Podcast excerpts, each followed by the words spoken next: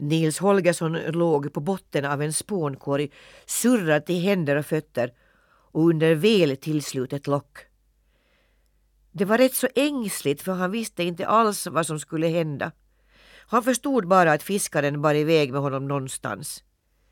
Plötsligt stannade fiskaren och frågade någon om föreståndaren var hemma. Det är han nog, svarade en gubbröst. Vad har du med dig idag då? En fin levande sjöfågel som du brukar. Titta själv och säg vad jag kan begära för den här späfågeln, sa fiskaren och öppnade locket. Pojken såg förskräckt upp i ett skäggigt gammalt ansikte. Vad i alla mina dagar, hur har du fått tag i den där? ropade gubben och ryggade tillbaka. Är du rädd för honom månntro? skrattade fiskaren, stängde locket och satte korgen på marken. Han kom till mig alldeles själv, rakt ner ur skyn. Jag tog bössan med när jag skulle ut och fiska i morse och hade knappt lagt ut från land förrän jag såg några vildgäss och slängde iväg ett skott. Jag träffade ingen, men istället kom den här nerdimpande och det var bara att plocka upp honom med hoven. Du måtte väl inte ha skjutit honom? frågade den gamle oroligt. Nej, han är frisk nog. Men han var först lite omtöcknad och jag passade på att binda honom för att han inte skulle rymma. Jag tänkte genast att det här skulle vara något för doktor Hazelius här på Skansen. Skansen? Ja, Skansen hade pojken hört talas om.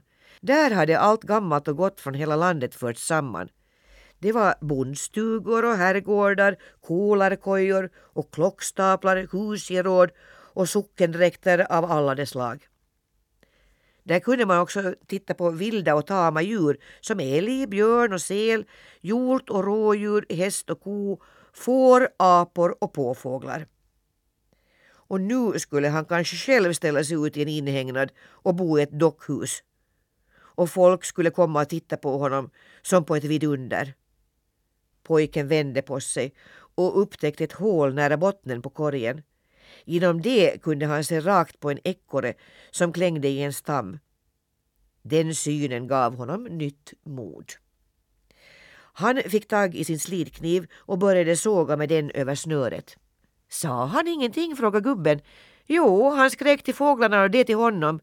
De följde med ända hem till stugan och väsnades. Men sen satte jag en av barnens dockor i fönstret. Då trodde gässen att det var han och jag fick fara i frid med min korg. Hur mycket tror du doktorn skulle ge för honom?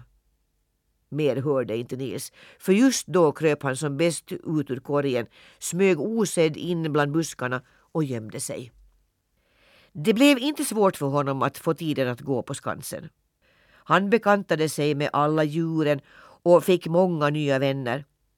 Och eftersom han eh, hade frusit en hel del i kölden och ruskvädret på resan så tänkte han att det kanske var bra om han fick eh, avbryta färden. Kanske han rent skulle frysa ihjäl om han följde med till Lappland nu. Han hade förresten inget annat val än att stanna. Fast nog längtade han mycket efter Mårten och de andra. Dagarna blev varmare, det blev sommar på allvar. Marken stod grön, björkar och popplar var klädda med sidenskimrande blad.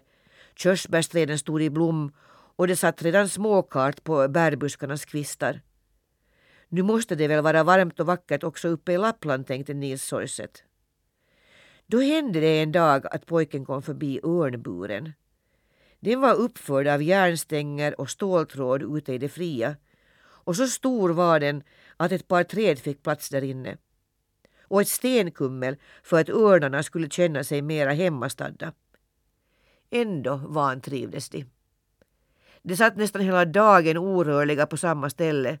Deras vackra mörka fjäderskrudar blev ruggiga och glanslösa och de stirrade med hopplös längtan ut i luften. Nils hörde en djurskötare berätta att en av de tre örnarna var nykomling och hade inte varit där mer än högst en vecka. Den nya satt lika orörlig han, men fjäderskruden var ännu blank och vacker. Och plötsligt visste pojken vem det var. Gorgo! Gorgo ropade han nere från marken. Örnen var så dåsig att han knappt orkade sänka blicken. Vem är det som ropar på mig? frågade han matt. Gorgo, det är Tummetott som brukar flyga med vildgässen. Kommer du inte ihåg mig? Är Akka också fången? frågade örnen, som om han försökte samla tankarna efter en lång sömn. Nej, alla de andra är nog välbehållna uppe i Lappland vid det här laget. Det är bara jag som har hamnat här. Kan jag hjälpa dig på något sätt, Gorgo? Stör mig inte, Tummetott. Jag sitter och drömmer att jag svävar fri omkring i rymden. Jag vill inte vara vaken. Nej, kungsörn, du måste röra på dig och se efter vad som händer annars blir du lika eländig som de andra, förmanade Nils. Jag önskar att jag vore som det, svarade örnen.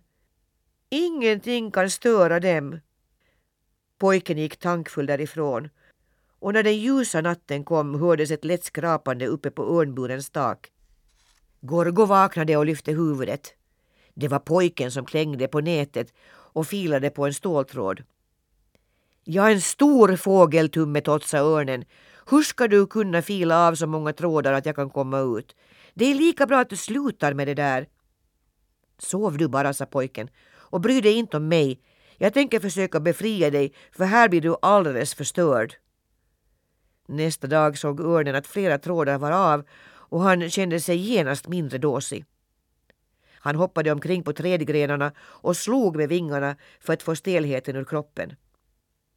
En tidig morgon, just när den första gryningsstrimman tändes på himlen, väckte tummet åt örnen.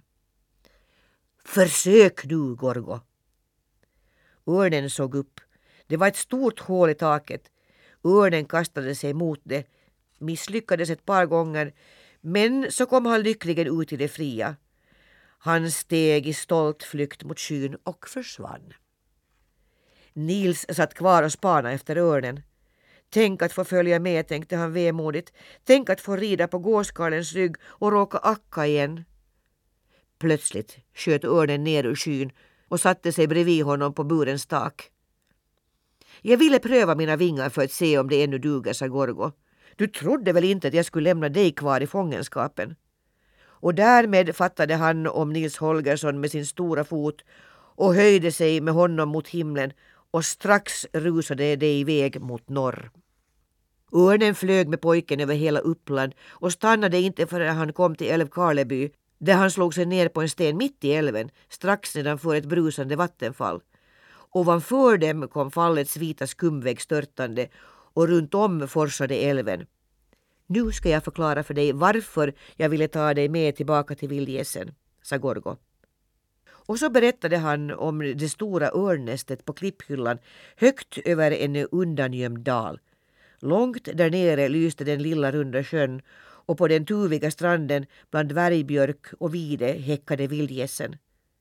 Örnarna tog aldrig fler gäss än att de vågade bo kvar i dalen. Och gässen hade nytta av rövarna som höll andra rövare borta.